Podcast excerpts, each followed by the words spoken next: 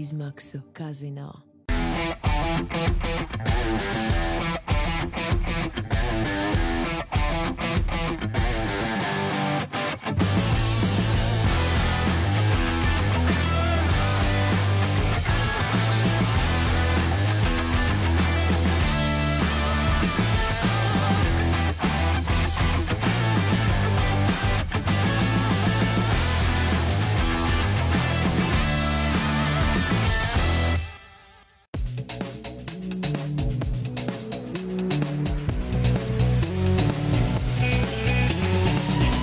F1 LV podkāsts.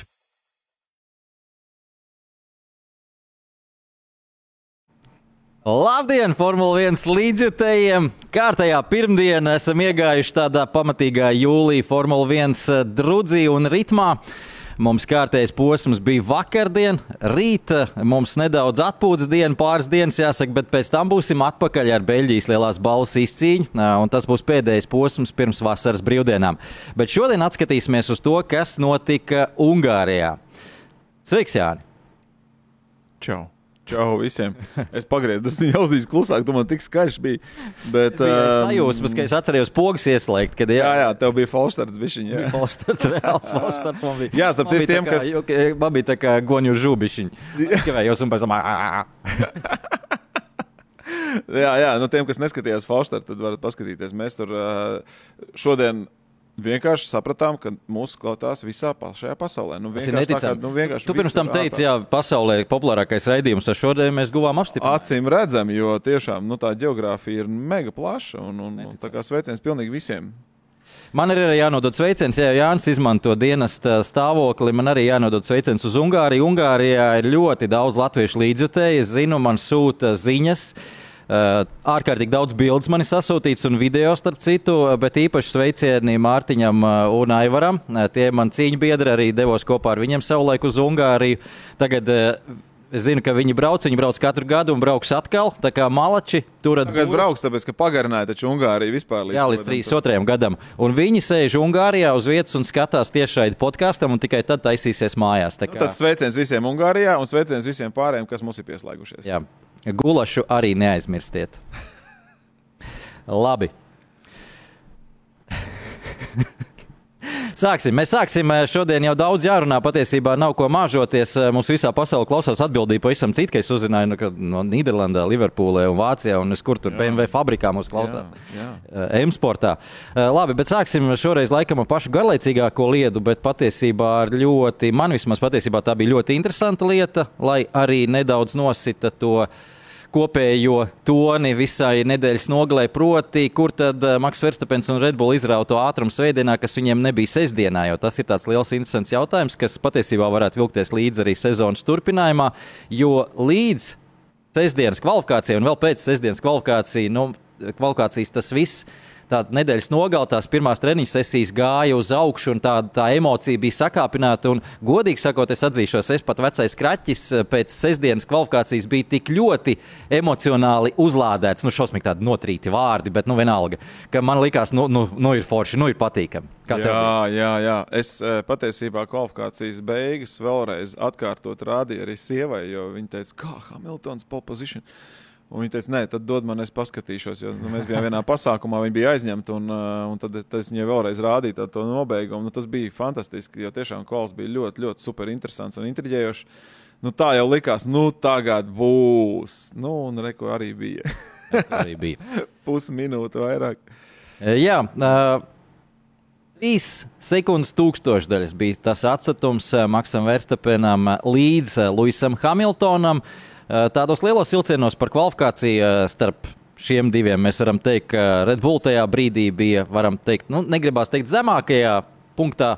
Kur viņi varēja būt tīri teorētiski, bet tuvu tam viņi pilnīgi noteikti nebija labākajā balansā. To teica arī Maks Verstapens. uh, Formula slīdēja ārā gan priekš, gan aizmugure. Un daudzi, ļoti daudzi, ieskaitot Toto Wolfu, mums, kā žurnālistiem, nu, mēs tur vispār esam Upatlaši jau neko nesaprotam pa lielam. Mēs tur knibinamies tumsā, bišķiņ kādreiz trāpam kaut kur.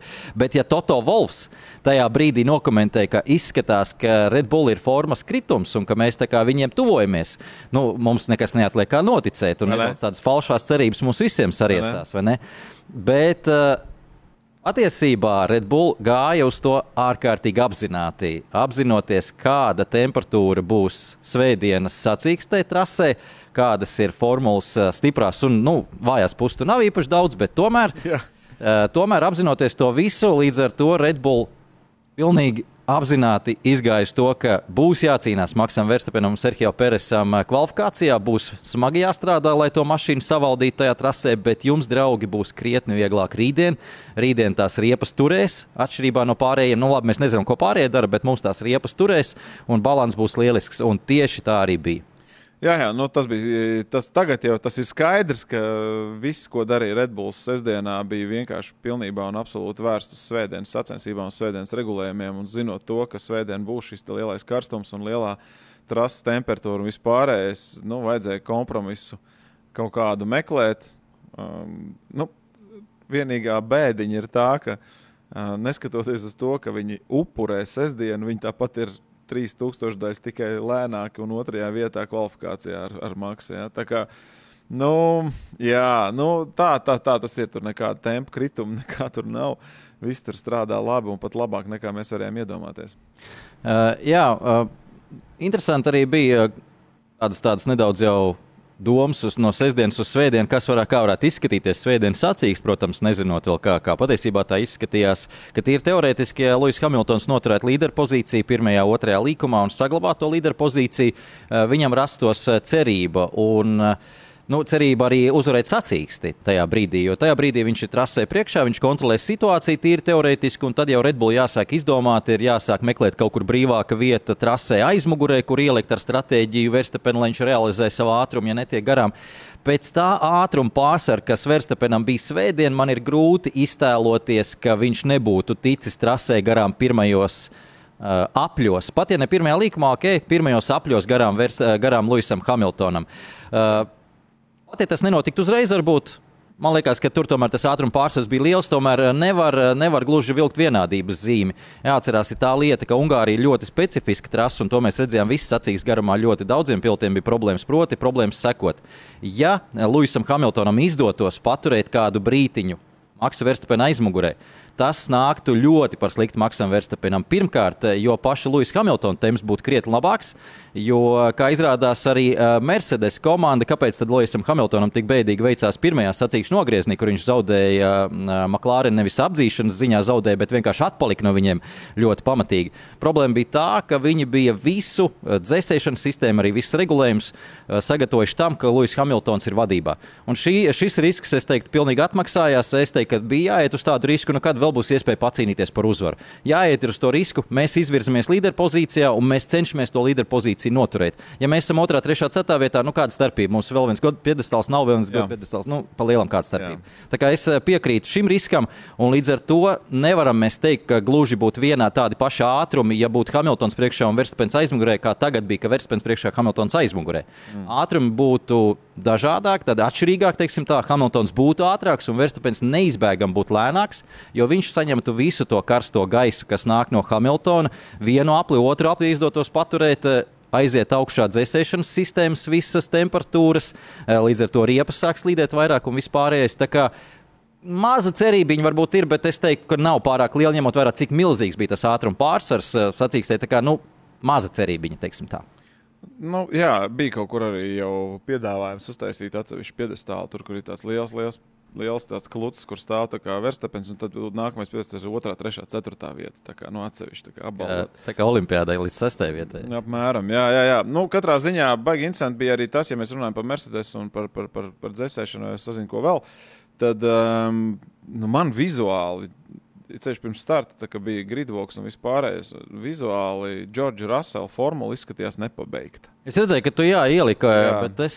Vizuāli viņi izstāsta, nu, briesmīgi. Tur tāds, nu, labi, skaidrs, ka pliks karbons tur, nu, bet reāli izties, ka uzlocīts uz loksnēm kaut kur un vienkārši ar kaut kādiem šitiem ar skrūvītēm tur piešauts klāt vai kniedītēm. Zin, kā, nu, tur tā, nu, taisnāk nekā vajadzētu varbūt būt vai kaut kā tā. Es nezinu.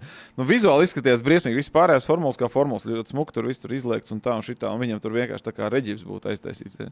Ciet, nezinu. Nu, mans personiskais viedoklis, kaut ko viņi tur paši tur mēģināja meklēt. Katrā ziņā tas, ko viņi ir atraduši, ir atraduši to, ka um, nu, Džordžs tomēr pacēlās un pacēlās daudz, daudz vietas. Tas nozīmē, ka viņam nebija problēmas sekot, nebija problēmas arī apdzīt. Jo nu, tev ir 11 mašīnas jāapdzen, nu, tad tas ir diezgan labs darbs padarīts. Un, un te jāsaka, protams, uh, nu, par Lando mēs atsevišķi runāsim, bet kamēr es neesmu aizmirsis, man patīk, ka Lando bija ierakstījis uh, kaut kur savā sociālajās tīklos vai kur, zin, par uh, nu, bija ieņirdzis par to, ka uh, driver of the day vai, vai teiksim, dienas uh, galvenais, nu, ievēlētais foršākais pilots ir uh, Sergio Peres. Ja? Tad, tā, tā, tā. Nu, par to mēs varam atsevišķi parunāt. Nē, nē, mēs parunāsim par to atsevišķi. Jā. Es arī ieņirdu vakarā. Es nezināju šo viņa Lando Norisa komentāru, bet es arī par to ieņirdu. Uh, bet, jā, atgriežoties vēlreiz pie Red Bull, uh, vis, lai cik tas nebūtu patīkami, par viņiem nepatīkami, par viņiem ir jārunā daudz. Uh, tas nav nepatīkami. nepatīk... Es redzēju komentārus daudz diezgan Twitterī, ah, kas, kas, okay. kas nu, ir sašutuši, un es pat cilvēcīgi saprotu. Es pilnīgi saprotu jā. cilvēcīgi, bet. bet Neko nevar darīt. Viņi dara labāk darbu nekā vispār. Nevainojiet Red Bull. Un nevainojiet arī Formula 1, arī Formula 1 pie tā nav vainīga. Jā, jā. Uh, jā, bet pabeidzot ātri pavisam par eh, Red Bull un Verstapenu. Uh, Verstapens ļoti sūdzējās par šo uh, balansu tajā sestdienā, pēc sestdienas kvalifikācijas. Un, kā viņš teica, mēs meklējām ļoti daudz risinājumus, un tā arī tos īsti neatradām. Tik ļoti krasa tā problēma uzkrita, ņemot vērā, ka mašīna bija noregulēta uz svētdienas sacīksti. Bet kas ir interesanti, noteikti Jānis pamanīs, ka šogad ļoti izteikti uh, Red Bull ir tāda īpatnība, ka vienā aplī kvalifikācijā viņi ir lēnāki nekā viņi ir tempā. Salīdzinot ar konkurentiem, es nerunāju lēnāki.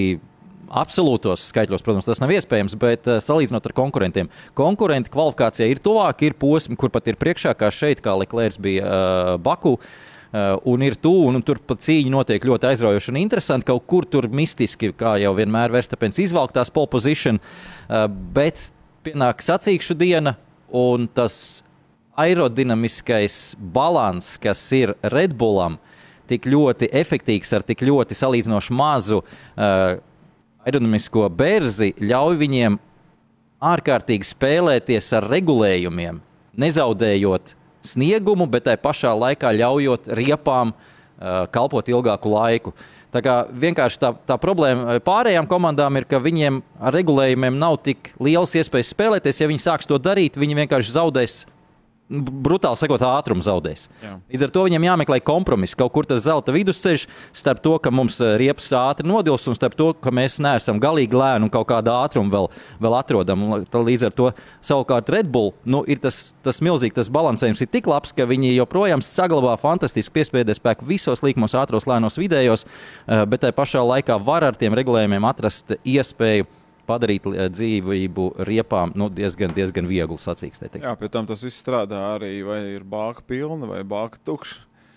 Nu, fenomenāls darbiņš. Nu, no Red Bull puses tur, tur jā.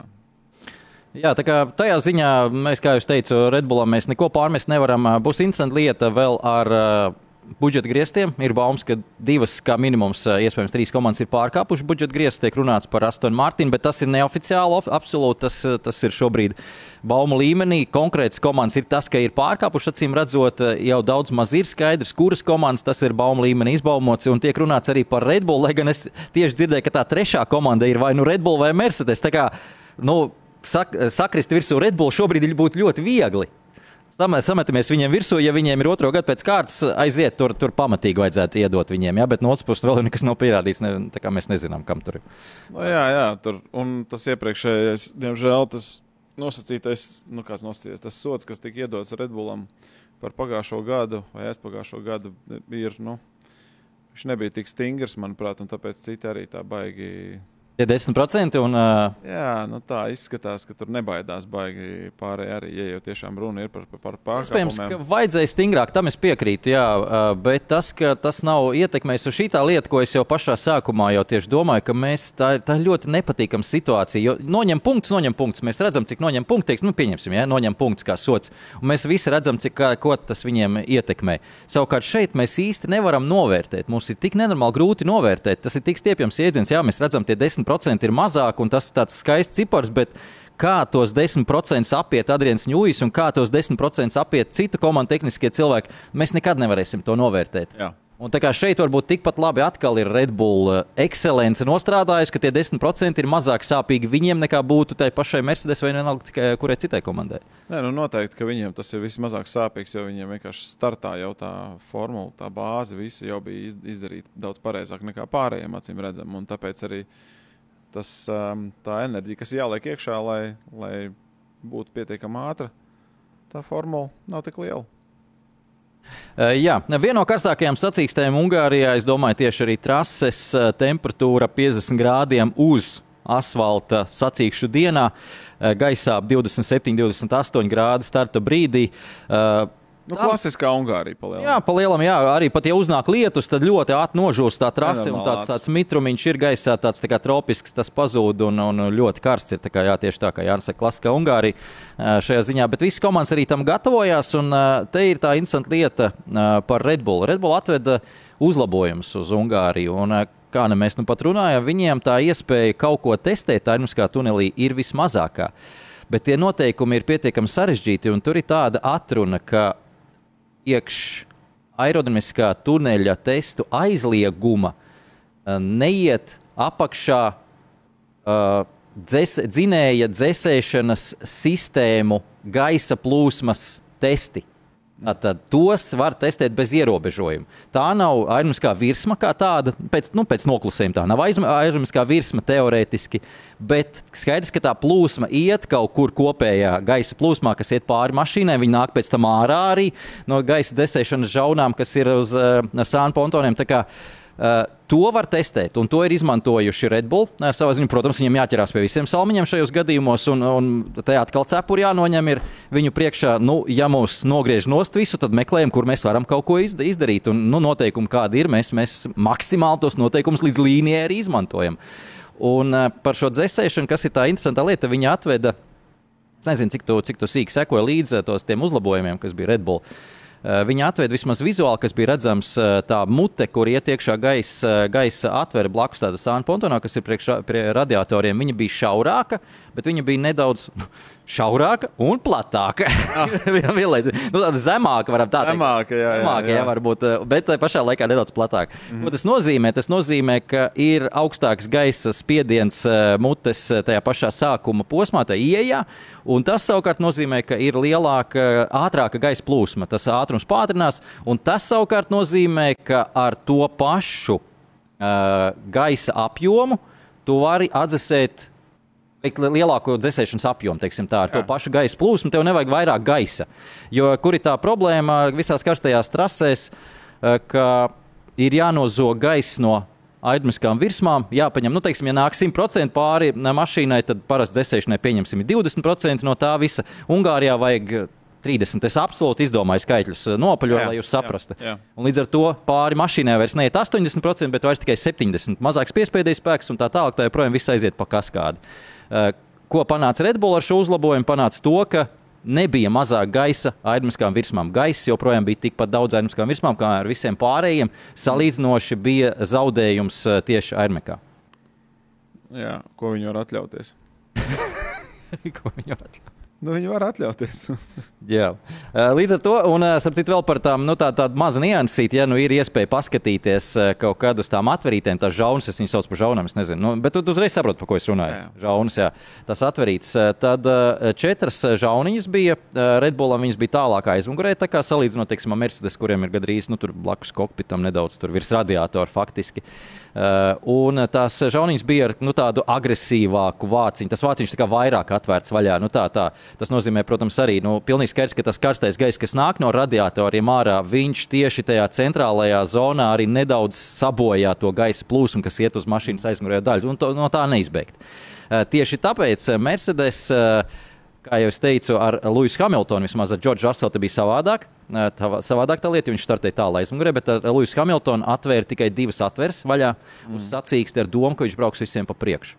Kas notiks sacīkstē? Sacīkstē viņš pirmajā līkumā netika garām Verstapenam, kas man bija nedaudz pārsteigums, bet viņam Jā. savukārt tika garām uh, Lando Norris Jā. un, un Piastri. Piastri tika garām. Jā, tu izstāstīji um, to, to pirmo līkumu notikumu. Nu, pirmā, pirmais līkums bija interesants, un interesants viņš kaut kā bija no tā viedokļa, ka visi runāja par to, ka pārskaitļa starta vietas startē no netīrās trases puses, un parasti nu, nesanāk tik labs tas starts. Nu, jā, Verstapens salauž šo te, gan, gan Verstapens, gan Piastrī patiesībā salauž šo te mītu. mītu, ja tā var teikt, un nostartēja patiesībā pat labāk nekā, nekā tie, kas startēja tajā nos, nosacītā tīrajā trajektorijas pusē. Ja? Nu, tad, protams, pirmais līkums. Verstapens priekšmēl garām Hamiltonam, un turpat, turpat uh, Lando Norris bija turpat blakām. Viņam vairs nebija kur likties, un tad Piastri izmantoja to iespēju. Un, paskarēja abiem diviem vēl arī garām. Līdz ar to pirmos tur, cik tur apļus. 10, 11, man liekas, piestrība stabili brauc otrajā vietā. Atpaliekot, protams, no, no Verstapena, to tempu viņš nevarēja turēt, bet uh, bija skaidrs, ka viss pelotons, sākot jau no Verstapena, viņam vienkārši tas pamattemps bija labāks. Vienkārši jau, jau no pirmajām apļiem sāka domāt par riepām. Par riepu nodilumu līdz ar to bija šīs deltas, saucamās, vai tas apli laiks, kurā viņiem ir jāturās, lai, lai viņi pārāk ātri neiztērētu šo riepu atlikumu.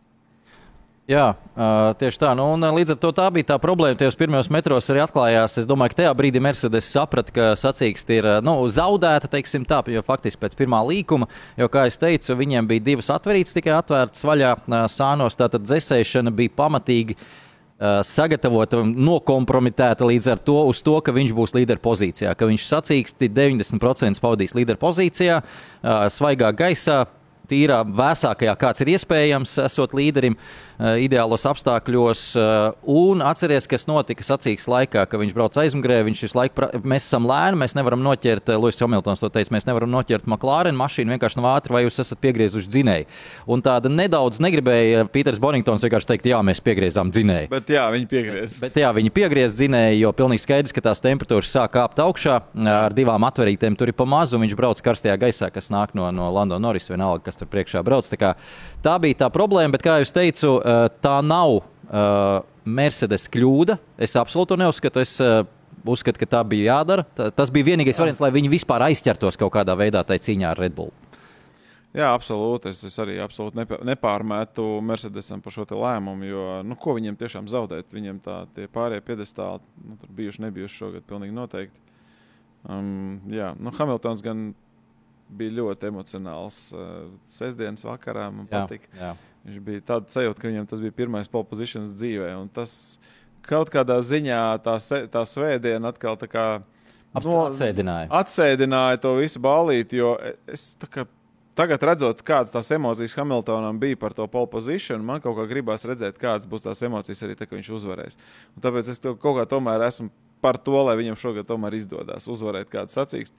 Vai tas notiks? Izskatās, ka nē, bet nu, skatīsimies, redzēsim vēl pussezonu priekšā. Nē, viennozīmīgi no, no kopējās intrigas viedokļa pastiesimies, kā ir Formula 1 popularitāte uzskatīt. Mums skatās skolnieki, un es neatceros pēdējo reizi, kad eh, jauna auditorija skatījusies. Nevis pēdējo reizi, bet vienkārši tajā laikā, kad es Jā. citīgi sekoju līdz nu, pirms gadiem desmit. Benijs Eklstons bija uztaisījis šo sporta veidu priekš, nu labi, ne priekš večiem, protams, ne, bet priekš nobriedušiem cilvēkiem, kuri ir maksājuši maksātspējīgi, teiksim tā. Šobrīd tā jauna auditorija nāk iekšā, un uh, viņa ātri pazudīs. Tā jauna auditorija ātri pazudīs, ja mēs viņiem nedosim to produktu, kas ir interesants, kas svētdienā uztur to intrigu. No nu, šajā sacīkstē tās intrigas nebija, par uzvarētāju vismaz nebija. Un arī pārējās vietas tur tā, šā, šā kā tā, ka būsim godīgi. No otras puses, nav katrai sacīkstē, protams, jābūt nenormāli aizraujošai, lai mēs varam novērtēt tās aizraujošās sacīkstes, bet nu, kaut kā tās aizraujošās cīņā par uzvaru mums arī plānā kārtiņā šogad ir tikušas. Uh, neviena. Jā, nē, nu, labi, kaut kas jau ir bijis. Bet, spīlē, bet, um, Katrā ziņā. Es saprotu, ko es domāju. Jā, to. nu, vienīgā intriga, kas šogad varbūt tiešām maksim izdosies, pilnīgi viss sacīks svinēt, bet uh, nu, tas ir atsevišķs stāsts. Jā, jā, bet, jā nu, katrā ziņā tas, kas dod to mazo cerību stariņu, ir tas nenormāli lielais maklārena ātruma pieaugums. Ko viņi tur ir atraduši, ko viņi tur ir izdarījuši, to mēs nezinām. Vismaz es nezinu. Bet kaut ko viņi ir baigi iespaidīgi dabūjuši. Jo, jo sezonas pirmajā pusē faktiski viņi bija lēnākā un sliktākā formula vispār, kas var būt. Jā. Pilnīgi bezcerīgs pasākums. Un te pēkšņi viņi vienkārši ir otrā ātrākā formula. Un te, te ir vairāk tie jautājumi, par kuriem mēs noteikti runāsim. Par to, kāpēc Maklārens ir tik ātrs, tas ir viens. Kāpēc Astonas Martins pēkšņi palicis lēnāks? Jautājums uz, uz tā fona visa viņa neprogresē, vai kas notiek, nu, tad tur ir vairākas lietas, ko runāt. Jo šobrīd, ja sezonas pirmajā pusē Astonas Martina bija pārliecinoša otrā ātrākā formula, tad šobrīd viņa ir kur? Trešā, ceturtā, piektā. Vai Ungārijā piektā ātrākā? Formula. Jā, nu, tas jau ir uh, super bēdīgi. Tad iesim pie McLaren, iesim tālāk, lai pārietu veiksmīgi uz McLaren. Mums jānoskatās, kā Lando gāž podus. Pā! Jā, Ladarks. 40 tūkstoši pa kāju. Tā ir tā, tā, tā kausa izmaksas, ir 40. Jā, 40 tūkstoši roku darbs. Un tagad uh, Verstapēns saka, nu, vecīt, nu, tagad dārgas vakariņas no tevis. Nu, vai arī superlīma vakarā. Zini, kā ir? Es teiktu tā, ka Nu, Pirmkārt, man ļoti patīk, cik pozitīvi čaļi vispār to uztvēra. Nu, kas viņam tur gojas, ko viņš tur viņam darīja? Nu, tas ir viens. bet otrs, bet otrs ir tas, kas man uh, liekas interesanti, ka es kā reiz atstātu tādu. To, nu, tāpēc, ka tā ir vēsture. Tas ir notikums, kas ir iegājis Jā. vēsturē. Nu, viņu var kaut kā sastiķēt, tur varbūt, nezinu, tur kaut kā ar skočiņu. Tur, Skoču aptīti, to kaut ko tādu, jā, nu, kaut ko tādu, lai tas vizuāli būtu tāds vienkāršs risinājums un nolikt tajā galerijā, lai viņi tur tāda arī stāv, jo patiesībā tā ir daļa no Formulas 1 vēstures. Tas nenotiek tik bieži, un tas ir bijis tāds, nu, tā kā forši, un te vēl ir tāds āķis viens kas man ienāca, nu, man konspirācijas galvā vai kaut kas tamlīdzīgs. Vai šis zīmīgais notikums nebūs tas brīdis, kad tomēr tiek salauzta Red Bull uzvaru sērija. Nu, tā, kā, nu, tā kā tur var paskatīties tā vairāk. Tā pat nav konspirācija, tas jau tāds simbolisms. Simbolisms jā, jā. kaut kāds, jā, tāds. Nu, paskatīsimies, kā tas būs. Jā, bet, ka, vai varbūt tas būs Lando Norris, kas arī to izdarīs. Jā, tā kā nu, redzēsim. Iespējas ir. Jā, McLaren izskatās eh, fantastiski labi. Vēl viena, vēl viena šīs eh, sezonas tāda pozitīvā stīga. Mums ir tāda zaļa pozitīva stīga, tagad mums ir oranža pozitīva stīga, Jā. tad ir ļoti smaidīga pozitīva stīga. Es esmu iedzīšs sevi stūrī ar šitiem te, uh, salīdzinājumiem. Bet, uh, bet jā, Mers, McLaren uh, atzimšana ir fantastiska, ņemot vērā, kur viņi bija sezonas sākumā, kur viņi vienu posmu faktiski izmantoja kā testus. Uh, tad tā, tā atzimšana. Uh, Es teiktu, ka ir pat eh, pārsteidzoši, un es jau iepriekš to teicu, ka. Es varu teikt, bet viņi ir mega pārsteidzoši. Tas jā, ir tas brīnums. Pat, tas pat rada nedaudz bažas, jā. ka tas nav īsts, ka kaut jā. kur tas kaut kur ir sagājis. No otras puses, kā jūs teicāt, ir vienmēr jāņem vērā, ka Formula 1 ir mainījusies. Ir absolūti pilnīgi noteikti mainījusies. Mums nav atpalicēji kā tādu vispār vairs. Visi ir savilkšies tuvāk, un tie, kas saka, jaunie noteikumi nestrādā, nu, darbie draugi, viņi tā strādā, ka tik turies. Viņi jau šobrīd strādā ļoti labi starp pirmo un pēdējo. Pirmajā kvalifikācijā bija 1,1 sekundes, starp visiem 20. 1,1 sekunde. Eh, tas ir tas, ir tas atskaites punkts. Nevis eh, jāmēra tagad pēc eh, kvalifikācijas beigām, jo atceramies, ka mums bija eksperiments, tātad cietās riepas bidējās. Man patīk tā doma. Jā, starp citu, ļoti laba doma. Bet, jā, McLaren šis atzimšana ar visiem uzlabojumiem ir nostrādājuši, un Mercedes pat ir uz ko paskatīties, jo dzinējs ir tas pats, un redzam, ka McLaren tā lieta ar divām uzlabojumu daļām jau strādā šādā līmenī, trešā pat vēl nav, jo uz Ungāriju nav saražota bijusi. Būs tikai, es saprotu, ka pēc vasaras brīvdienām pat nebūs arī Beļģijā. Uh, bet, nu, lūk, jā, Oskars Piastri, nu, labi, Ungārijā nedaudz dabūja pa pirkstiem, droši vien uh, pēc, pēc Silverstonas panākuma, jo tomēr pēdējais sacīkšu nogrieznis, kā viņš pats teica, zem katras kritikas. Cik tur beigās pārpa 20 sekundēm viņš zaudēja Lando Norrisam. Jā. Pēdējā nogriezienī, kā viņš pats teica, tad jā, varbūt kā komanda teica, ka ir kaut kāds grīdas bojājums bijis, pa ko pats viņš nebija kā, informēts un nejuta to. Un viņš vispār nenovēlas to vainu. Tur visu cieņu Austrālietim. Man ļoti patīk, kā viņš uzvedās. Jā. Un viņš teica, ka uh, visdrīzāk tā ir mana vaina, jo es nemāku vēl ar tām riepām strādāt, kā ir jāstrādā. Pamanģēt visu to atlikumu un tā tālāk. Ja, tas ir normāli. Un to viņš arī teica. Un, un, kā jau es tev pilnīgi pievienojos, viņš ir ļoti superprofesionāls un nosvērts. Un, uh, Pagaidām runā pareizās lietas un izskatās labi, un ātrums viņam noteikti ir. Patiesībā es pat teiktu, ka uh, iedodiet viņam labu, labu braucamo, viņš varbūt ir nākamais Maks Verstapens. Nu, godīgi sakot, viņam ir ķēriens. Un pagaidām es viņu pieskaitu pie super ļoti potenciāliem ceļiem. Jā, Nu, pieskatīsim. Uh, Bet par McLaren ātrumu, kur tas ātrums, uh, protams, viss uzlabojumi, viss tā tālāk, bet uh, nedaudz. Uh, tika nomaskēta arī šī lieta, ka Ungārija būs ļoti neveiksmīga trasa, vai nevis neveiksmīga, bet neparocīga trasa priekš viņiem.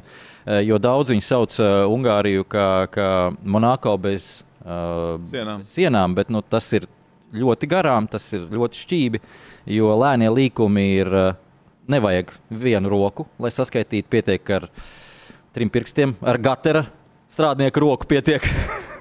Ar trim pirkstiem pietiek, lai saskaitītu lēnos līkumus. Pirmais, otrais, faktiski, un lēnā līkuma sasaiste, kas ir 6, 7, tas S-veidi, kas ir tur tālajā galā. Tie lēnie līkumi, kur arī McLaren bija vislēnākie, faktiski Jā. tajā vietā. Pārējie visi ir vidēja ātruma līkumi ar diezgan plašu rādījusu, kā, kā teica uh, Toto Wolfs, un tā joprojām ir McLaren teritorija. Tā kā nav gluži tā, ka viņi ir atraduši uzlabojumus un tagad pat savā pašās neparocīgākajās trasēs ir top trīniekā un ir uz godu piedestālu. Viņi tomēr tā trasa pietiekami parocīga viņiem. Jā. Tā kā tas tests vēl nav bijis uh, Singapūrā. Jā, nu, Monako mums vairs šogad nav. Tur pārbaudīsim, paskatīsimies. Bet, jebkurā gadījumā, jebkurā gadījumā protams, cepurnos par progresu. Jā, Maklārens Malačs. Tur, tur, tur izskatās, ka drīz vispār uh, tribīnēs būs tikai oranžs krāsa. Daļa no tā maksim, daļa no tā papāja. Bet, nu. Pagaidām, jā, pagaidām viņi viena vien pie otra var pieslieties. Tur abi arī baigie draugi ir un uh, tur viss ir labi. Nu, līdz brīdim, līdz brīdim jā, kad, kad uh, sāks kāpt uz, uh, uz uh, varžacīm, varžacīm Maksam Verstapenam. Jā, precīzi. Uh, Man ir viens labs, interesants jautājums. Es redzu, ka sūta cilvēki, es visus nevarēšu apskatīt un izlasīt. Viens bija interesants, jo par Ferrari nav daudz ko runāt, bet mums tā garām skrienot, tomēr par viņiem uh, kaut kas ir jāpasaka. Pirms dosimies pie Rikārdo tēmas, kas ir interesanti, plaša un tāda fantastiska intriga šajā posmā. Tad uh, es ātri atradīšu, te bija jautājums par uh, Ferrari. Tūlīt, tūlīt, tūlīt. Kur nu palika?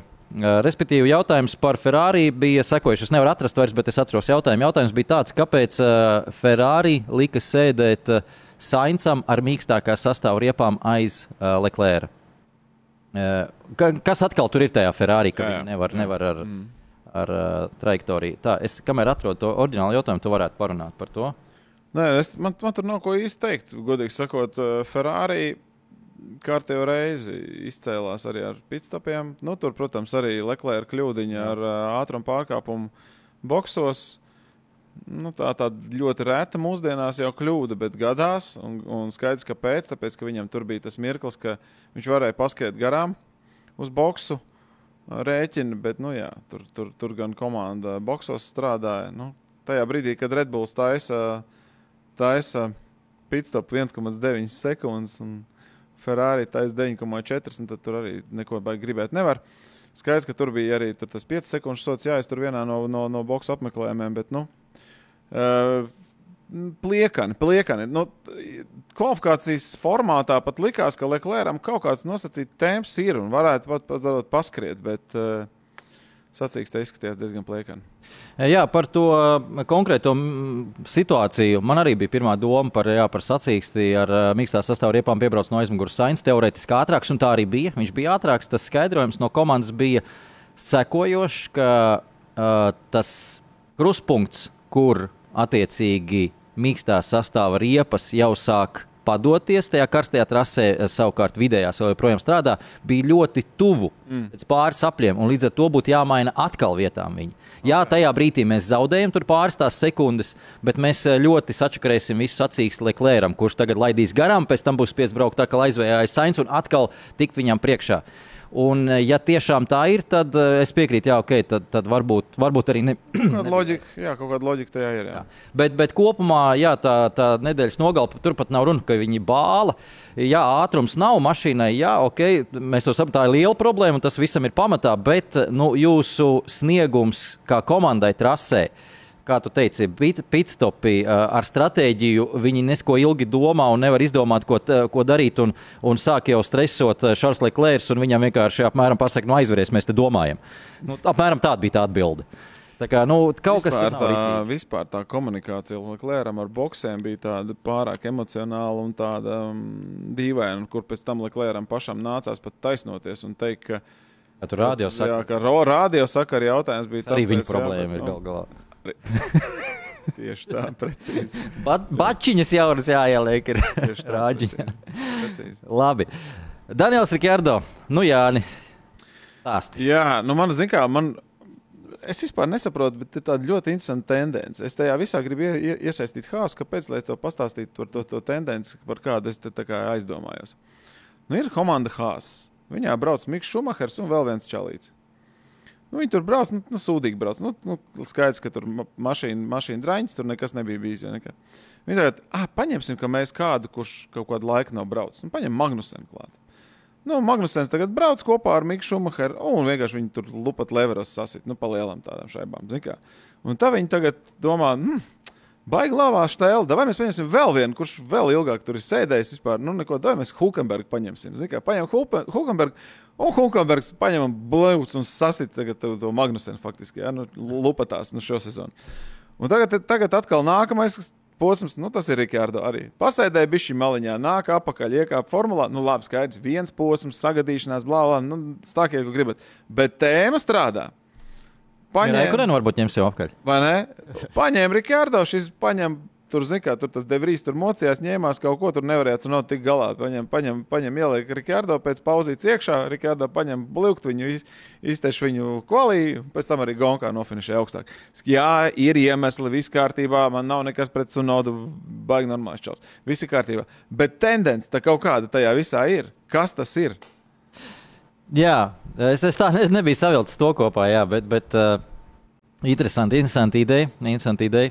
Ja, Kā jau teicu, ja ejam, Telam jānāk apakaļ. jā, ja ejam pa tavu taciņu, tad mēs varam daudz uh, džekus pasaukt atpakaļ. Uh, Bet jā, par Danielu Rikārdo mēs tā nedaudz mazāk emocionāli un vairāk pie, pie faktiem, tad uh, viņa pārsvars kvalifikācijā bija ļoti niecīgs pār Cunodu - 13,000 daļas. Tātad tajā pašā apmēram Bet nav runa par to, vecīt. Nē, nē, Runa, es- runa ir par to, ka viņš ir pēc pauzes, un Nodis ir sēdējis tajā formulā visu sezonu, jā, Jā. jā, un ne pirmo. Un viņš iekāpa, un Nē, nē, es gaidīju, ka viņš būs lēnāks. Tiešām. Es, ne, es gan ne. Es, Ja viņš ir tūkstoš daļas ātrāks, tas vien tas nozīmē, ka viņš ir reāli potenciāli ir daudz vēl ātrāks. Jā, viennozīmīgi. Es domāju, ka jā, ir tas spēkā, ko pats Daniels Rikārdo teica. Nu, tā tad, ka par šiem diviem gadiem Maklārinā mani salauza un, un, un izčakarēja smadzenes pa lielam, jo kur, kur bija tā doma Maklārena? Maklārena zināja, ka tā mašīna ir dīvaina. Viņi zināja to, to visi teica, visi pilteica, un viņi iedomājās, ka atnāks Daniels Rikārdo superstārs un to mašīnu salabos. Nu, tā, tā lielos vilcienos. Un viņi to arī tos divus gadus darīja. Ar Rikārdo, Rikārdo arī to divus gadus centās darīt analizēja katru centimetru līkumu ieejā, izējā, kas ir jādara, kā ir jādara, ko pamainām. Līdz ar to viņš nenormāli sačakarēja savu braukšanas stilu. Viņš nebrauca uz intuīciju, viņš brauca. eh, Nebrauc uz Datiem. izjūtām, jā, viņš brauc uz datiem, viņš domāja, braucot, viņš rēķināja, braucot. Nu, tas, tas ir traki. Nu, tas, eh, tu sacīsi, pilsēs, tu vari pateikt, ka tā, tā nebrauc neviens. Nē, Nē, nē, nē. ātri nevar pabraukt. Nē, nē, to nevar. Jā. Līdz ar to, aizga- aizejot atpakaļ, iesēžoties simulatorā, to varēja redzēt vēl sekas sākumā, par ko teica arī Kristians Horners. Nu, pa ziemu viņi laikam salikuši kopā, salīmējuši ir to veco labo Danielu Rikārdo. Un līdz ar to, kā, es teicu, kā viņš pats arī teica, es neko neanalizē- neanalizēšu. Es zinu, ka tā mašīna nav ātra, viņai trūkst piespēdējas spēka, eh, bet pasēdēja simulatorā, strādāt var ar viņu. Apmēram tā. Nu, līdz ar to viņš kā iekāpa, viņš brauc uz izjūtām, un līdz ar to tas ātrums lēnām atnāks. Nu, viņam turklāt uzreiz ir jāparādās. Un es domāju, Jā. ka viņš jau parādījās daudz. Viņš jau parādījās patiesībā. Bija diezgan pieklājīgi, zinot to, ka Oftaurija patiesībā laikam ir tiešām nu, visčābīgākā formula visā pelotonā šobrīd. Tad, tad, tad jāsaka, ka viņš izdarīja pietiekami labu darbu. Eh, Jā, taisnība, Labada nebija jaunais antispāns Cunodam, kas dod apmēram 0,1 sekundi aplī, bet Cunoda pats vainīgs piekdienā viņš viņu apskādēja, līdz ar to nebija rezervē.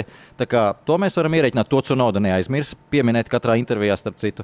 Nu, labi, varbūt ne katrā, bet es dzirdēju, ka viņš to Nu, pats pieminēja. tā- Tagad viņam būs. Tagad viņam jāmeklē tā- atrunas. Tā, tā, tā dzīve viņam tagad būs. Jā. Bet kas visvairāk man tajā visā patika, labi, es esmu nedaudz arī Rikārdo. Kurš nav? Nu, jā, kurš nav? Nu, kurš pat Džeks nav samīlējies viņā? Būs Tā kā vienā mūtenē teica, nu, kuram tad mango negaršo? Kā, nu, tad, nu, apmēram tas pats, nu, kuram tad Rikārdo nepatīk? Jau vajag labai salīdzināt. Uh, jā, bet tad, uh, ka- kas ir tā lieta, kas man visvairāk patīk sacīkstē?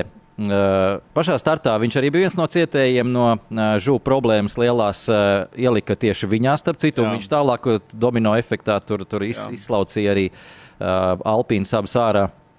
Līdz ar to viņš bija pēdējais. Viņš bija izbraucis no otrā līkuma kā pēdējais. Uh, tālu no visiem salīdzinoši vēl pie tam, jo Alpīns ie- iebrauc boxos, kas viņam bija viena priekšā, bet tā iebrauc boxos, izstājās. Viņš noķēra diezgan labā tempā visus pārējos, un tajā brīdī viņš pateica komandai, viss mainām stratēģiju. Viņš pateica mm. komandai, mainām stratēģiju. Uh, un komanda domāja kādu brīdi, uh, un atbildēja, ka jā, mēs varam darīt tā, ka mēs braucam uh, ārpus ritma boxos tagad, bet tev būs beigās jāveic ļoti daudz apļu ar mīkstākā sastāvā riepām tā visa rezultātā. Ok, darām to. Uh, Gala rezultātā viņš atkal atkrita. Es tieši tā kā es Rikārdo diezgan gribēju sekot līdzi, es skatījos, un viņš atkal ir pēdējais. Domāju, nu, kam on, tu laikam kāda problēma. Viņš atkal pēdējais, boxos bijis nelaikā, pilnīgi ar mazu īsu nogriezni, bet viņš tas nozīmē tajā laikā bija brīvā trasē. Jā un piebrauca visiem klāt, eh, saglabājot arī savu riepu. Un, eh, es paklausījos pēc tam, gan ne- tiešraidē nebija iespēja, bet pēc tam rādio sakars. Un viņam sacīkš inženieris visu laiku teica ausī. Uh, we cleared that. Uh, nu, tāda, respektīvi, mēs esam tikuši garām tur Magnusenam. Mēs esam Tiku, viņš vienkārši mm. skaitīja pa, pa diviem apļiem, nezinu, pa trim apļiem. Mēs esam tikuši garām tam, mēs esam tikuši garām tam. Nu, pagaidām viņi nebija tikuši garām, bet tajā brīdī, kad Jā, jā. viņi brauc boxos, viņi noslēdzās aizmugurītē. Virtuālais vai potenciālais. Tas, jā, Tieši jā. tā. tā kā, kas ir tas pozitīvais tajā? Uh, jo ātrums Cunodam bija tieši tāds pats. Pasties labākos apļus vai arī to, to vidējo, nu tur atšķirības minimāls ir. Kur ir tas pozitīvais? Uh, Daniels Rikārdo nepakārtojas sacīkšu plūsmai, teiksim tā. Viņš mm. pakārto sacīkšu plūsmu sev. Mm. Uh, Cunoda iegāja kopējā ritmā. Ja tu atdūries pret kaut ko, nu labi, es ātrāk nevaru pabraukt. Man priekšā brauc tik ātri, garām viņam netiek. Nu, braucam visi vilcieni. Jā, jā. Tā ir tā lieta. Tā ir tā pieredze. Jā, pieredze, un es domāju, arī pārliecība, ka tu spēsi iznest to. Jo beigās galā viņš tomēr iznesa ar vidējā sastāvā riepām. Tas bija cik tie apli 40, es tagad nemāku precīzi to ciparu pateikt. Visvairāk, un viņam sekoja uzreiz Albons. Mm -hmm. Albonu mēs zinām, riepvārdotāji, bet pat Albonam bija kaut kādi 2-3 apli mazāk, jo viņi vēlāk šito pamanīja, ka tāda ir iespēja to darīt, un Albons okay. Ok. aizgāja tieši to pašu darīt. Kā, manuprāt, tas, tas ir tas, tas patīkamākais, ko es paņēmu no Rikārdo Es teiktu, ka Rikārda atgriešanās ir ļoti patīkama visos gadījumos, izņemot varbūt eh, Nika Devrija fans. eh, Jo, nu, manuprāt, gan tā dzīvība preses konferencēs, gan um, notikumi kā tādi, gan arī viņa ātrums un personība. Tas viss stāsts ir interesants, un, un tas, tas stāsts ir tāds, kuram ir uh, iespējams turpinājumā diezgan interesants sērijas.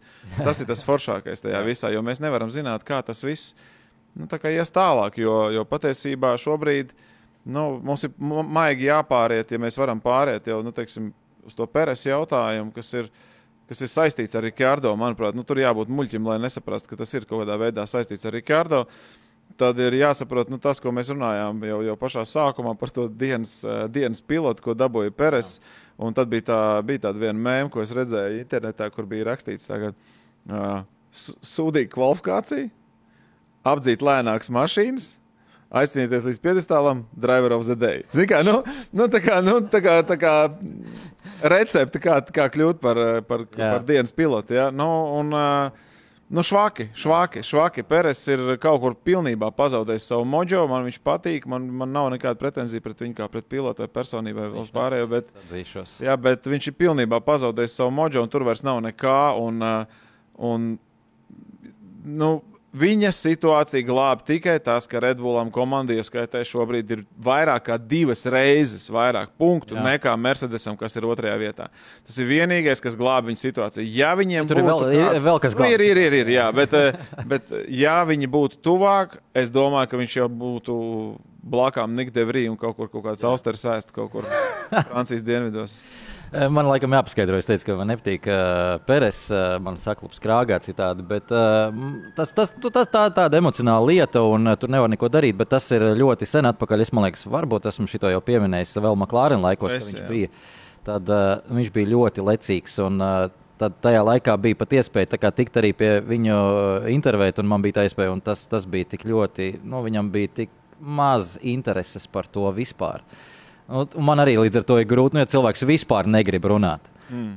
Jo ir liela atšķirība, ir uh, patīkamas intervijas bijušas, un uh, tas bija bēdīgi. Nu, Jā, nosauc tad arī patīkamās, lai nav tikai sliktās lietas. uh, jā Abnormāli, bet pati patīkamākā man bija savulaik ar Vitāliju Petrovu, ar Krievu, bet Jā. tikai tāpēc, ka uh, es runāju krieviski. Okay, jā, nu, Tas pats ar Danielu Kviatu. Uh, te gan man neļāva, tur bija interesanti, jo nā, tā nebija viens uz viens intervija. Tur kā mēs salikt, salikti vairāki bijām no austrumu bloka valstīm, varam pat tā teikt. Un uh, es viņam uzdevu jautājumu krieviski, un tajā brīdī sēdēja blakus arī viņa PR menedžera un teica, nē, nē, nē šī ir angliski tikai. Mm -hmm. Viņš sapriecājās tajā brīdī, un viņš pilnīgi arī savādāk uz mani skatījās Nu. un atbildēja, nu skaidrs, bet tas ir savādāk. Tas ir Jā, savādāk, tas ir savādāk. Jā, ja tu ar, ar Sergio Perezu būtu sācis runāt, tad spāniski varbūt jā, arī īstenībā. Nē, bet viņš bija, ne, tas, tas nebija tas viens moments, viņš bija tajā laikā. Viņam, viņš uh, ienāca ar Zauberu un tika Maklārinā. Un viņam Jā, jā, jā. Un, jo viņu kritizēja. Uh, Viņu uh, kritizēja Fernandes, kā nu bija vārds, tagad aizmirsu,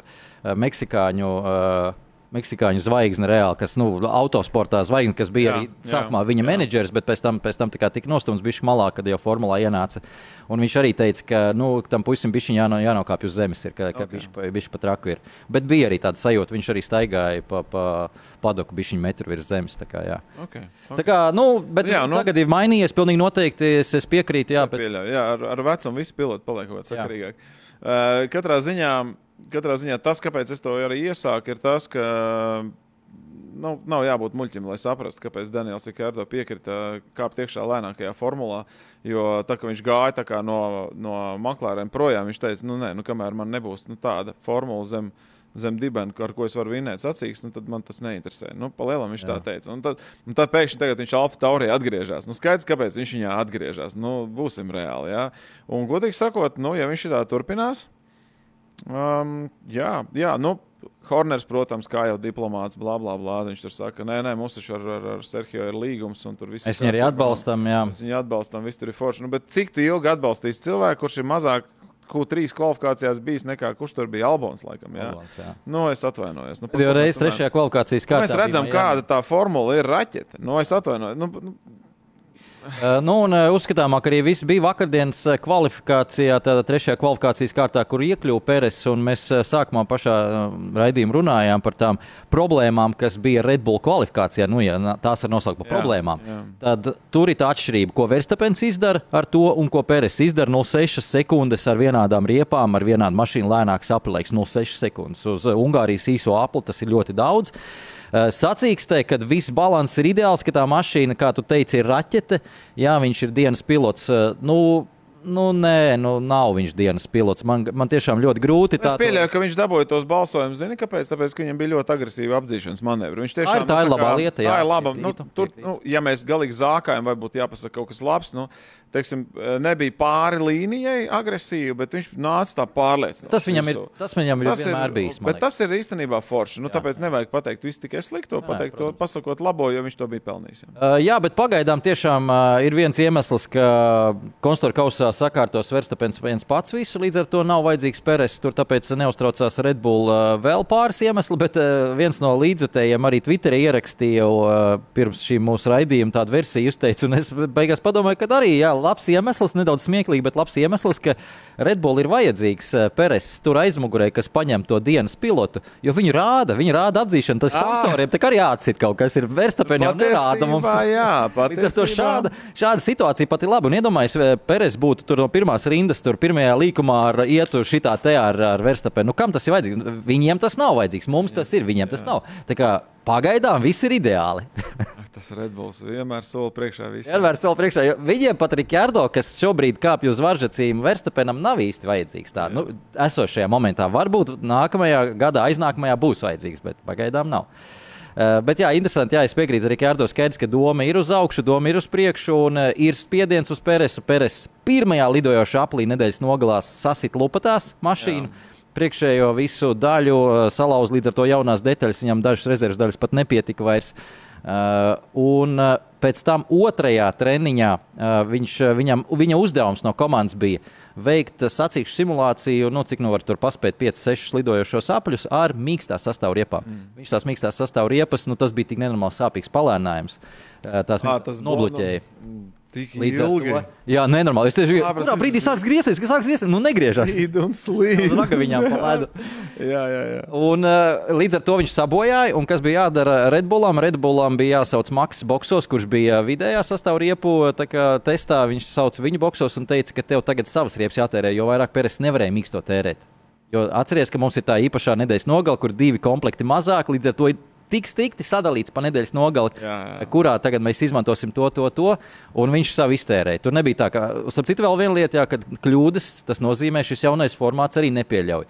Ja tu sačakarēji savu riepu ā, kaut kādu komplektu, nu visu tu jaunu nevari ņemt, jo tad tev nebūs kvalifikācija, ar ko braukt, vai nebūs sacīkstē, ar ko braukt. Jā, interesanti. Tu neesi ievērojis par to, ka kaut kā mēs maz šogad runājam tomēr par uh, jaudas agregātu ātrumu, kā ar maiņām. Nu, skaidrs, ka tas uz otro sezonas pusi vairāk aktualizēsies, bet šobrīd man liekas, ka patiesībā Tas ļoti uzticama tā ā, tehnika visiem. Ja? nu, nu, tur kaut kam nodega, jā, tur hāsam. Tas ir loģiski, tas ir loģiski. Mēs uh, pirmajā arī gadā. iedeva vairāk, laikam. Jā, jā pirmajā, pirmajā gadā viņi arī agresīvāk tajā gāja, tāpēc tas atjaunojās tā intriga, ka deg. Tāpēc viņi tikai parādījās. Jo atcerieties, ka nu, uz, uz, uz uh, hibrīda ēras tās pirmās ēras daļas beigām arī jau viss bija kārtībā. Tur nevienam vairs nedega. Bet pagājušajā gadā viss atjaunojās, jo, jo nu, visi agresīvi iedega, iedeva ručkā, ka mums vajag uzlabot. Nu, jā. Ziema viss ir sakārtots, un tas ir diezgan loģiski. Turklāt ir papildus uh, arī opcijas, kad ir vairāk pieejami gan pārnes un kārbas. Un, bet uz, nedēļ, uz, uz nedēļas, uz sezonas otro pusi gan jau ka. Sezonas otro gan jau tas arī kaut kur parādīsies. Bet, bet es piekrītu, jā, ka tagad tas nogājis bija viņa malā. Mm -hmm. tas, tas nav aktuāli vairāk.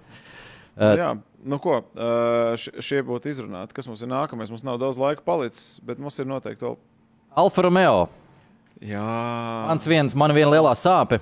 Jo pēc piekdienas treniņiem, ja es būtu, ja es būtu cilvēks, kas nodarbojas ar uh, likmēm, tad es pēc piekdienas treniņiem būtu uzlicis, ka viņi ir nezinu, tur top 10, top nezinu, 6 vai nu vienalga.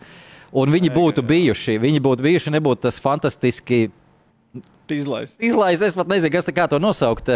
Sapratu, citas ātri izstāstīšu, kas tur par problēmu bija. Izrādās, uh, uh, caur bremžu sistēmu tika iedarbināta dzinēja drošības uh, sistēma, kas atslēdza, nu, pat neatslēdza motoru, bet ieslēdza. Uh, Antistoli, jā, tas, uh, um, tas nav pat antistola, viņiem ir uh, režīms. Kas uh, ļauj tā kā drošais starts, kā viņi no boxiem brauc ārā. Mm. Lai, lai nav tev pārspolēšana, jo tur tā saķere boxos ir tāda uh, betonēta grīda, kas ir Jā. slīdena. Un viņi tur iestāda automātiski, un pats pilots ne, nedara to. Viņš nedod gāzi un neiestāda. Tad automātiski iestāda viņš vienkārši piespiež un izbrauc lēnām ārā. Līdz ar to iel, ielec tajā. Tas nozīmē, ka viņam bija drošais starts. Nu, tā teiksim, drošais starts vienkārši lēnām aizbrauca. Jā, tā čik, aiziet. Kā tie. Un pats rakākais, ka aizmugurē ir tieši Valtteri Botas. Tieši. Jā. Līdz ar to viņš ar savu startu uzreiz arī viņu nobloķēja. Nu, viss. jā, viņam bija jā, baigs strauji jābrauc. Un... Bet tur bija vēl problēma. Eh, Problēma bija tāda, nu, te gan Gonija Župilna atbildība jāuzņemās. Viņš tajā gabaliņā no starta līdz bremzēšanas punktam pirms pirmā līkuma paguva eh, komandai kaut ko iebrēkt eh, pa radio. Mm. Un, Kāpēc viņš ielika tieši nu, kam on tā brauc, nu, tā tev pirmais līkums, nu, tā labi, esi tu 15. vai vienalga, kurš nu, bet brauc un ieliek aizmugurē. Sāk, sāk nervozēt, sāk runāties ar, ar komandu. Tur ir 400 metri. Tur, tur. Un tā nedrīkst darīt. Nē, nu var saprast viņa emocijas, jo tik augstu viņš nekad nebija startējis. Un, uh, nu, pārdeg, jā, tagad ir pieredzīta. Skarba. Ir sevišķi skarba Alpīna komandai. Eh, Jā, bet uh, Alfa Romeo tas ātrums uh, arī interesanti. Viņi atveda uzlabojumus uz Silverstone, kas uh, tajā trasē vēl īsti nenostrādāja, bet ļoti labi nostrādāja šeit. Kā, tas arī ir patīkami. Tā ir vēl viena lieta. Mēs esam visi, tas, tas pelotons ir, ko jau es iepriekš teicu par tiem jaunajiem noteikumiem, tik ļoti tuvu saspiedies. Atcerieties, ka agrāk mēs runājām, ah, reku uzlabojam tam. Nu, īsti nejūt, nu, jā, varbūt, nezinu, kas tur. Tagad uzlabojam blaukts, viņi ir trešajā kvalifikācijas kārtā ar saviem uzlabojumiem. Viss ir vienā sekundē. Tas nozīmē, ka 0,1, 0,2 uzlabojums tev vienkārši aizmet priekšā veselai čupai konkurentam. Jā. Nākamajā posmā, nākamajā atvedīs uzlabojumu, aizmetīs veselai Es čupai. priekšā. pārsteigumi būs, un vēl lielāka pārsteiguma būs pēc tam, tad, kad būs tas vasaras uh, brīvlaiks, saucamais. Ja? Uh, Es domāju, pēc tā brīvlaika noteikti atkal būs uh, kaut kāda vēl pārsteiguma. Jo it kā jau viņi tur visi atpūšas, vai kā, bet nu, kurš tur atpūšas? Visi taču strādā. Jā, nu trīs nedēļas ķipa atpūšās. Jā, jā. Mm, Tā tā. Uh, Beļģija, starp citu, nākamais posms uh, atkal ārkārtīgi atšķirīga trasa no Ungārijas. Parasti mēs ar. Ungāriju gājām uh, atvaļinājumā, tagad ar Beļģiju iesim, un Beļģija ir uh, sprinta nedēļas nogala. Mm. Tas nozīmē, ka viena Tāds kārtīgs saldais ēdiens pirms trīs nedēļu pauzes. Tāds, nu, tāda kapitālākā trase, Jā. sprinta nogalē vēl. Mm. Bet atcerieties, kas notika pagājušajā gadā Beļģijā.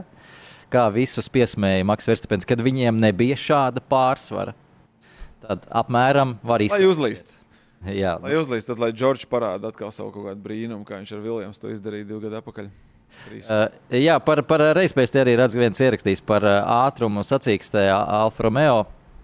Tad uh, tur tā analīze tāda, ka uh, ir rakstīts, ka nebūtu nekas un ne, nebūtu pat ar labu startu nekas bijis. Reizes viņiem bija faktiski identisks ar, vai sacīkšu ātrums, sacīkšu temps bija faktiski identisks tajā brīdī, kad to var objektīvi novērtēt, jo to nevar objektīvi novērtēt, ja tu braucējies citas mašīnas. Faktiski tu ieiet tajā ritmā. Valtteri Botas necik ilgu laiku nobraucēja uz Albonu, kurš menedžēja riepas to brīdi. Viņš arī teorētiski varēja braukt ātrāk, bet viņš menedžēja riepas, un Jā. tā arī netika garām. Tā ir tā visa lieta, ko es arī stāstīju pirms tam. Nu, ja tev nav tas pārsvars, tu netiec garām. Uh, bet ātrums bija līdzīgs Aston Martin, un, respektīvi, ja viņi būtu neizgāzuši startu un startētu tur tajā pirmajā desmitniekā, viņi lēnām, lēnām noskalotos uz leju līdz uh, tai 9, 10 pozīcijai, līdz tiem mazajiem punktiem. Jā, tur nebūtu top 6, pilnīgi skaidrs nebūtu. Jā. Jā bet uh, punktos viņi būtu. Un uh, priekš Alfa Romeo es ātri uzlikšu arī uh, kopvērtējumu to līdz īstajā brīdī. Komandu kopvērtējumu. Vai viņi būtu uzlikuši divus uh, uz augšu? Lūk, trīs punkti, uh, trīs mm. punkti par, par 9, 10 vietu. Nu, tajā grupā, kur ir Hāzs, Viljams, Alfa Romeo un varbūt arī Alfa Tauri ienāks, Jā. nu, tie trīs punkti ir tā lieta, kas ir jāņem. Tās, tās komandas ņems tās mazās balviņas katrā posmā, ja draudās tā izdevība, kura no viņām paņems to vienu, tos divus, un tā viņi arī krās tos punktus. Un Alfa Romeo palaid garām reāli iespēju paņemt tos trīs. Red Bulls varētu iedot gandrīz pusi no saviem punktiem Alfa Tauri, viņu ap divas komandas būtu pirmās divās vietās. Jā, tu, tu to sarēķināji. Jā, labi. Man visvairāk šajā visā patīk McLaren. Viņiem bija 17 punkti, 3 posmus atpakaļ. 17 vai 19. Jā. Katrā ziņā zem 20 bija. Jā, Tagad domāju, ka cīnās ar Alpīnu, bet tagad izrādās, ka viņi cīnās ar visiem tiem, kas ir virs viņiem. Es, es labi atceros, ka mēs runājam tajā brīdī, ka varbūt uz sezonas beigām viņa Alpīnu varētu apdzīt, nu tā kā pacīnīties, kad jā, tas uzlabojumi viņiem nāks tajā pusē un uz Ladargas garām kā stāvošiem. Un, mm un Alpīna paliek. Jā, nē, nu, tas ir, tas ir redz, tāpēc arī mēs te varam kritizēt un, un bēdāties par to, ka Maks ir aizbraucis pusminūti prom no visiem un tā tālāk. Bet tomēr, ja tu gribi, tu vari atrast tos pieskaras punktiņus, tas ir interesants lietas. Jo tagad tu nevari zināt, kura komanda tagad nākamā atradīs kaut kādus uzlabojumus, kurā trasē tas strādās, kurš pilots pēkšņi izšaus tur treniņos vai pat kvalifikācijā. Ja? Kas notiks ar sacensībām? Jo, jo tas, šobrīd, nu, tādā īsā laika periodā tas ir noticis. Ir tas McLaren lēciens, tas pats Mercedes, kad kāpjas druskuļi uz augšu visu laiku, tomēr viņi kaut kur turpat ir. Tas Alfa Romeo kaut kāds arī tas iz, izleciens, kas bija brīvajos treniņos un kvalifikācijā šajā posmā. Ja? Kurš nākamais? Viljams arī palicās jau uz augšu. Nu, kā, Williams, jā, mums ļoti... ir daudz to stāstu. Ja? Nu, Par Astonu Martinu arī bija pāris jautājumu, kas tur noticis ar Astonu Martinu. Labā ziņa ir tā, ka mums nav atbildes, jo nav atbildes Maikam Krakam. Palasiet Maika Kraka komandas vadītāja komentārus pēc sestdienas un pēc svētdienas. Maiks Kreks sestdienas vakarā bija pilnīgi pārliecināts, ka viņi ir tikpat gudri kā Red Bull, respektīvi, ka viņi ir šodien upurējuši nedaudz Jā. kvalifikācijas ātrumu un esam priekšsacīgs visu saglabājuši. Un svētdienas vakarā viņam intervijā tika atgādināts, nu, ko tu vakar teici. Tāds optimistisks diezgan bija. Šeit, jā, es arī esmu pārsteigts, es arī nezinu, kāpēc tā. Tas nozīmē, mums jāiet apkaļ, jāstāsta un jāpēta, kas ir noticis, kur ir tā problēma. Bet pilnīgi skaidrs, ka ir dabūjuši atsitienu. Aston Martin. Tas nenozīmē, ka viņi sezonas otrajā daļā nevar, nevar atkal palikties augšā, bet eh, kopumā es teiktu, ka ļoti veiksmīgi mums ir sanācis, ka zaļo strīpu mums ir nomainījusi oranžā tajā top galā. Skaidrs, ka mēs joprojām ar Red Bull neviens ne otrs nevienā brīdī nopietni nav cīnījies, tā nu epizodiski tikai. Toties mums kaut kāda intrigas maiņa ir, un es piekrītu tajā ziņā, ka, nu jā, Verstapens visu un visus uzvarēs uh, un pa diviem apļiem, bet tās intrigas katrā posmā parādās pārsteidzošas. Ļoti. Jā. Jā, ļoti, ļoti interesanti. Es domāju, ka mums priekšā tikai vēl un vēl tāda saldīga ēdiena. Uh, pavisam īsti mums laiks arī būs beidzies. Uh, paturpināšu vēl par Astonu Martinu Alonso. Arī teica uh, to, ka viņš teica iepriekš, tā kā šajā ziņā varbūt ieklausīties viņā. Viņš teica arī tajā laikā, kad mēs izcīnījām godu piedestālus. Nu, nesapriecājieties, ka tā, tā mums šobrīd nav bijis plāna tur būt. Pēc plāna. Līdz ar to mēs pieturamies. Mēs nelecam ārā no biksēm, tagad skriesim pakaļ Red Bull un kaut ko darīsim. Mēs pie savu plānu pieturēsimies. Un līdz ar to kaut kādā brīdī mēs varētu noslīdēt zemāk. Un tas, acīm redzot, ir noticis. Uh, bet vēl viena lieta, kas nav apstiprināta, bet kurai varētu pievērst uzmanību, atcerieties, ka ar Silverstone Pirelli nomainīja sezonas vidū riepu iekšējo konstrukciju. Eh, jo par apmēram 15% pieaudzis ir piespiedu spēka līmenis, ne, eh, neprognozēta par 15%. Tātad komandas pirms eh, diviem gadiem tika lūgtas prognozēt, nu kā pieaugs šajā jaunajā tehniskajā ērā tie piespiedu spēka līmeņi, un viņas prognozēja nepareizi. Tie pieauguši krietni straujāk, ir, un Pirelli netiek līdzi ar savām riepām. Nu, viņi nevar tā riepas vienkārši šitā uzbūvēt arī. Līdz ar to viņi tagad ir nomainījuši, un Alonso teica, ka uh, tas ļoti aizdomīgi sakrīt ar to mirkli, ka, ka mums aizgāja uz leju, un mēs nevaram atrast citu izskaidrojumu. Mm. Tam varētu būt saknes tajā. Un ka Red Bull ir līdzīga situācija, tikai Red Bull tas pārsvars ir tik liels, ka to nejūt vispārējie, bet arī viņi kvalifikācijā ir kļuvuši švakāki vēl, un tas varbūt arī saistīts ar jaunās konstitūcijas riepām. To mēs nezinām, mums divi posmi tikai ir pagājuši, tam ir jāmēģina sekot līdzi un skatīties. Tad vispārējās komandas bija nokļuvušās pareizi. Vai arī, nu, jā, tiešām, vai arī tur neviens īsti nejūt, kas, kas notiek ar, ar pārējām komandām, ņemot vērā, ka tiešām tā spēku samērs ir ļoti līdzvērtīgs. Es domāju, ka mums jāliek pamazām punkts pēdējās sekundes. O, oh, tieši 12 uzliec, uzkrīt. Nu, redz, Jā, paldies, Jānis, kā atskrējies. Zinu, ka tev jāsteidzās tālāk, ir steidzies lēnām. Jā. To pašu novēlu arī visiem jums. Paldies, ka skatījāties. Sveiciens vēlreiz visiem, tie, kas bija uz vietas Ungārijā. Posms, es domāju, joprojām pietiekami interesants un intriģējošs. Un, drošu, drošu māju apceļu. Jā, tieši tā. Pēc eh, četrām eh, dienām faktiski jau treniņi un uzreiz arī kvalifikācija Beļģijā. Tā kā ar to tādu skaļu blīkšķi pieliksim punktu arī sezonas pirmajai daļai, un tad dosimies atpūtā. Atā. Čau!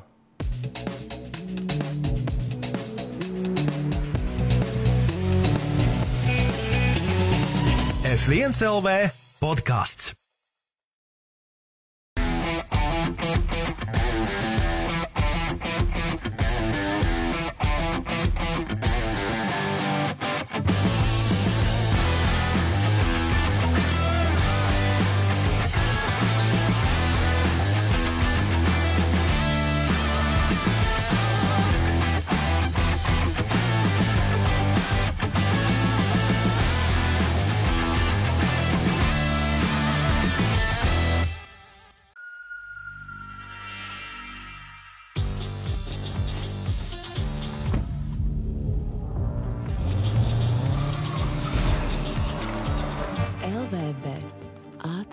Izmaksu kazino.